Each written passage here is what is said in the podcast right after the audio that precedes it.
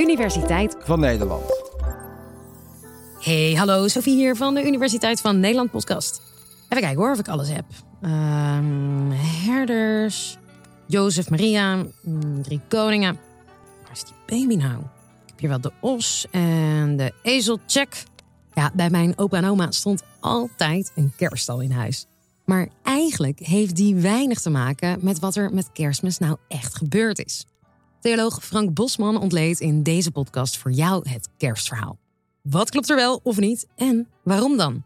Want het slaat toch zeker niet helemaal nergens op? Oh god, gelukkig Jezus gevonden. Ja, gelukkig maar. Dit is het kerstverhaal volgens de wetenschap.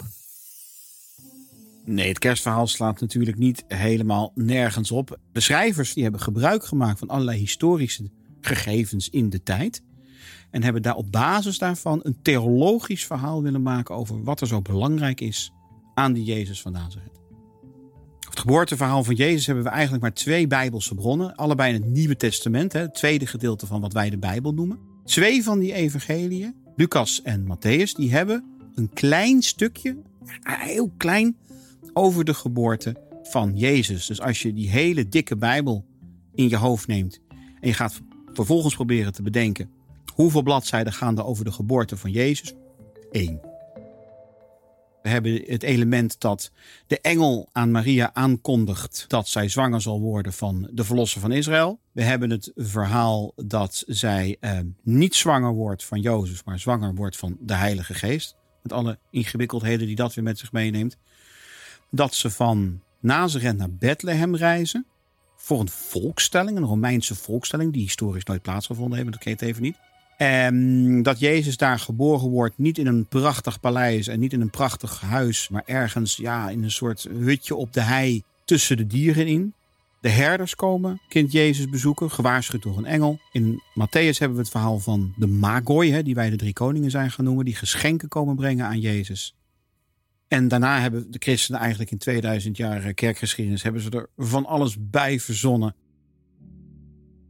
De figuur van Maria vinden wij natuurlijk altijd heel fascinerend. Van het feit dat zij dan uh, zonder seks te hebben met een man zwanger wordt. Het idee van Lucas en Matthäus, die dat altijd beschrijven, is dat Jezus als zoon van God, als, als de Messias, als de gezalfde van God, als de koning van het nieuwe Israël, ja, die kan natuurlijk niet geboren zijn uit een man en een vrouw die het gewoon met elkaar doen. Dat is een beetje uh, banaal. Dus nee, die, die schrijvers van die twee evangelie, die willen laten zien vanaf het begin af aan heeft God directe bemoeienis met het leven, het ontstaan van het leven van Jezus van Nazareth. En dat hebben ze opgeschreven als Maria is zwanger van de Heilige Geest. En als we dan allerlei 21ste eeuwse vragen gaan stellen over van, ja maar hoe heeft die Heilige Geest Maria dan precies bezwangerd? En kan een heilige geest sperma produceren of zoiets dergelijks? Dat zijn hele interessante vragen.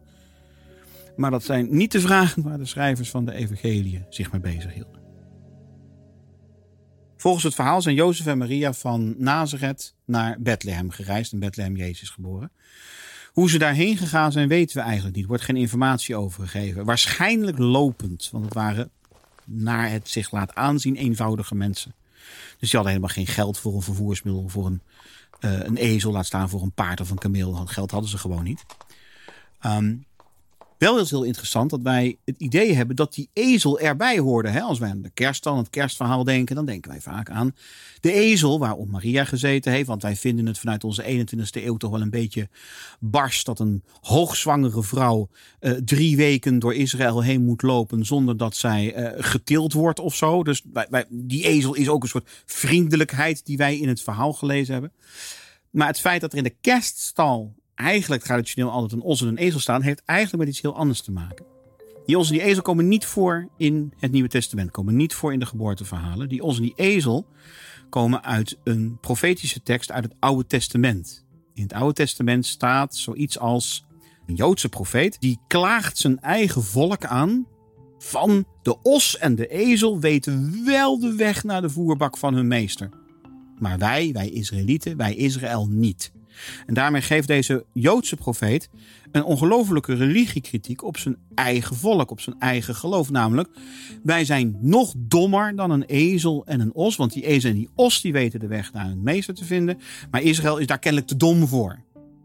Nou, ik hoef je natuurlijk niet uit te leggen dat dat uh, toen christendom en jodendom uit elkaar groeiden, zeg maar de eerste paar eeuwen van onze jaartelling, dat um, deze tekst mm, soms nogal antisemitisch uitgelegd is. Hè, van kijk, die domme joden, die snappen niet wie Jezus is, die hebben Jezus ook niet geaccepteerd, maar wij christenen, ja, wij, wij weten wel hoe het zit. En er is ook een soort religieus triomfalisme in natuurlijk. Dus die os en die ezel die zijn in die kerststal terechtgekomen. En daarmee in ons kerstverhaal. En daarmee als vervoermiddel van de hoogzwangere Maria. Eigenlijk vanuit die verwerking van die profetische tekst in de kerststal. Nou, de Bijbel is erg vaag over de uiteindelijke plek waar Maria en Jozef en uiteindelijk ook Jezus natuurlijk terechtkomen. Dus ze gaan naar Bethlehem. Het verhaal zegt dat er een volkstelling plaatsvindt, dus dat suggereert drukte. Dan constateren ze in Bethlehem dat alle gastverblijven in de herbergen vol zijn. Nou, nogmaals, als er een volkstelling is, dus snijdt dat wel hout. En vervolgens vinden ze een plek, wordt niet helemaal gedefinieerd wat dat dan is. En daar wordt Jezus geboren. En als hij geboren is, wordt hij in een kribbe, in een voederbak, in een voerbak van dieren gelegd. Als je dat historisch wil lezen, en je probeert na te denken hoe zou dat historisch hebben kunnen gaan, dan moet je je voorstellen dat ze waarschijnlijk een of ander half vervallen, half leeg hutje of grot gevonden hebben ergens op het platteland, waar eh, normaal gesproken herders met hun kudde, met hun dieren verblijven als het koud is of als het nacht is of als het gevaarlijk is. En in die huisjes en in die ja, grotwoningen, zal ik maar zeggen, daar had je ook allemaal voerbakken die in de muren waren gemetseld. Dus niet een apart kribben zoals wij hè, in de kerststal altijd zetten, maar gewoon een voerbak die in de muur van het huis neergezet was. En daar hebben ze Jezus dan ingelegd. En of het nou een stal is, of een grot is, of misschien zelfs een open plek. Of eigenlijk geeft de Bijbel daar geen uitsluitsel over. Maar wij hebben er vanwege die voederbak, die daar wel staat, hebben wij geïnterpreteerd. Nou, dat zal wel een stal of een grot geweest zijn. Want waar vind je anders een loslopende kribbe. Waar Jezus historisch geboren is, dat weten we eigenlijk niet. We hebben alleen het Bijbels getuigenis van Lucas en Matthäus, die allebei zeggen: Jezus is in Bethlehem geboren. En ik kan wel uitleggen waarom die schrijvers het heel erg leuk vonden en heel erg nuttig vonden om hem precies in Bethlehem geboren te laten worden. Bethlehem is de stad van David. En David is de grote koning, samen met Salomon, zijn zoon. Dat zijn de twee grote koningen van het oude Israël uit het Oude Testament. En um, toen David en Salomo koning van Israël waren, toen ging het met Israël helemaal fantastisch. Daarna ging het heel snel slechter. Dan krijg je Babylonische uh, overheersing, je krijgt de Griekse overheersing, je krijgt de Romeinse overheersing. En al die tijd zit Israël onder de knoet van een buitenlandse macht.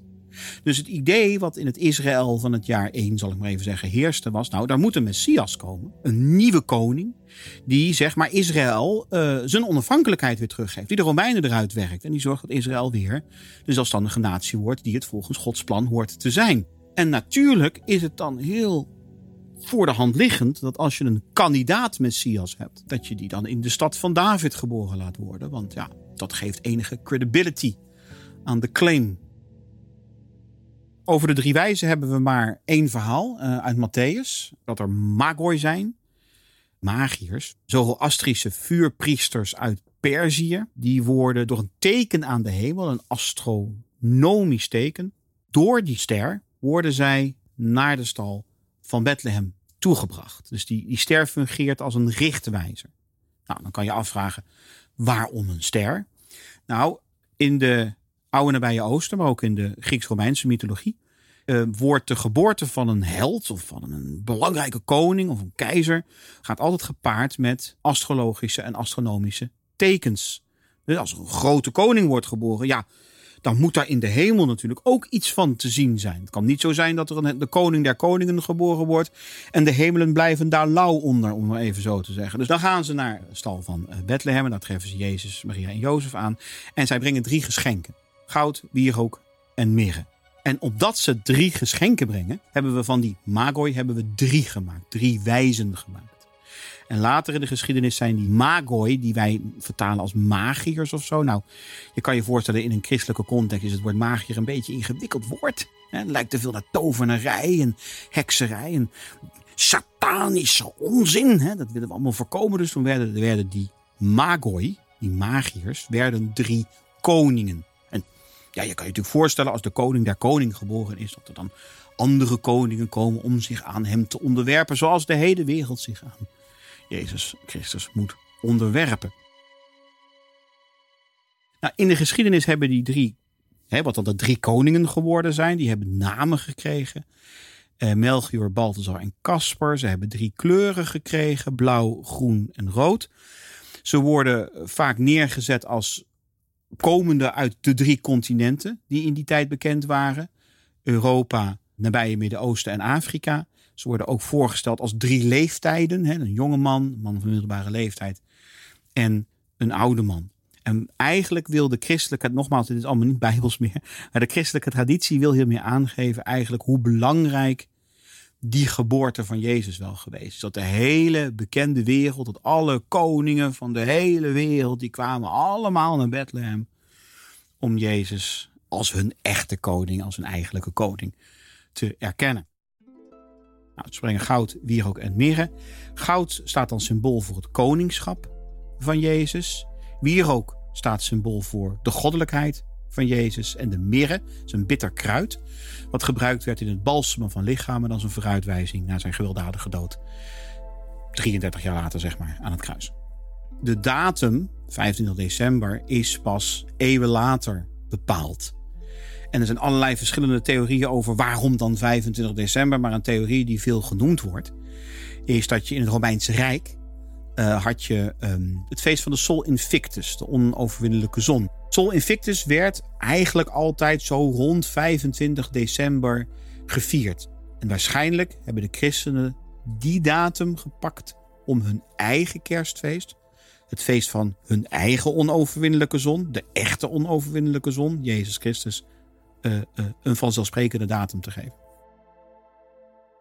Sol Invictus werd verkerstend, volgens een van de meest gangbare theorieën, tot het feest van kerstmis. Je moet voorstellen, je bent een christen in uh, 300 na Christus. En je wil je eigen verhaal over de geboorte van Jezus pluggen. Dan kan je of proberen een concurrerend verhaal te maken wat niets met de Romeinse eredienst te maken heeft. Dan heb je een moeilijk verhaal. Je kan ook heel dicht bij die Romeinse uh, overlevering gaan zitten en zeggen: ja, wat jullie Sol Invictus noemen, jullie denken dat het over de Romeinse keizer gaat, maar als we heel, heel eerlijk zijn tegen elkaar, dan weten we dat het eigenlijk over Jezus van Nazareth gaat. Het voordeel van die tactiek is dat je dus niet tegen de potentieel kandidaat mede-christenen zegt: wat jullie geloven is bullshit. Want daar win je niet zoveel zieltjes mee over het algemeen. Je kan beter zeggen: nou, wat jullie altijd geloofd hebben, is bijna goed. En wij komen je uitleggen dat laatste procentje wat je nodig hebt om je eigen verhaal, je eigen traditie nog beter te kunnen begrijpen. Nou, dat bleek een veel betere marketingstrategie te zijn dan de bullshit-strategie. We houden zo van kerst uh, in deze tijd, omdat kerst een, um, een, familiefeest aan het worden is. Dat zie je ook met alle kerstfilms die je gaat kijken. Kerstfilms die je gaat kijken, ook op het volgende. Of iemand is heel erg eenzaam en wil heel graag een partner. En oh, met kerstmis vinden we eindelijk een partner, want alleen leven is het ergste wat er is. Zo, zo gezegd.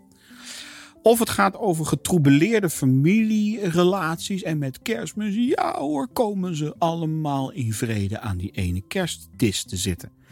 Dus kerstmis is in onze e- late 20e en begin 21e eeuwse beleving is het een familiefeest geworden. Het feest van de reboot van het gebroken gezin.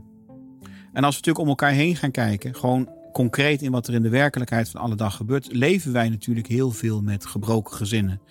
Met gebrouilleerde familierelaties, met ruzie in de familie. Soms 20, 30 jaar lang dat mensen niet met elkaar praten.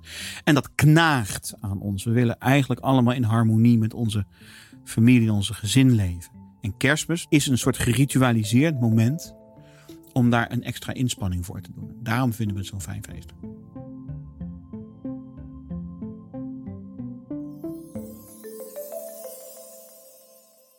Dat is nou nog eens een lekkere kerstgedachte.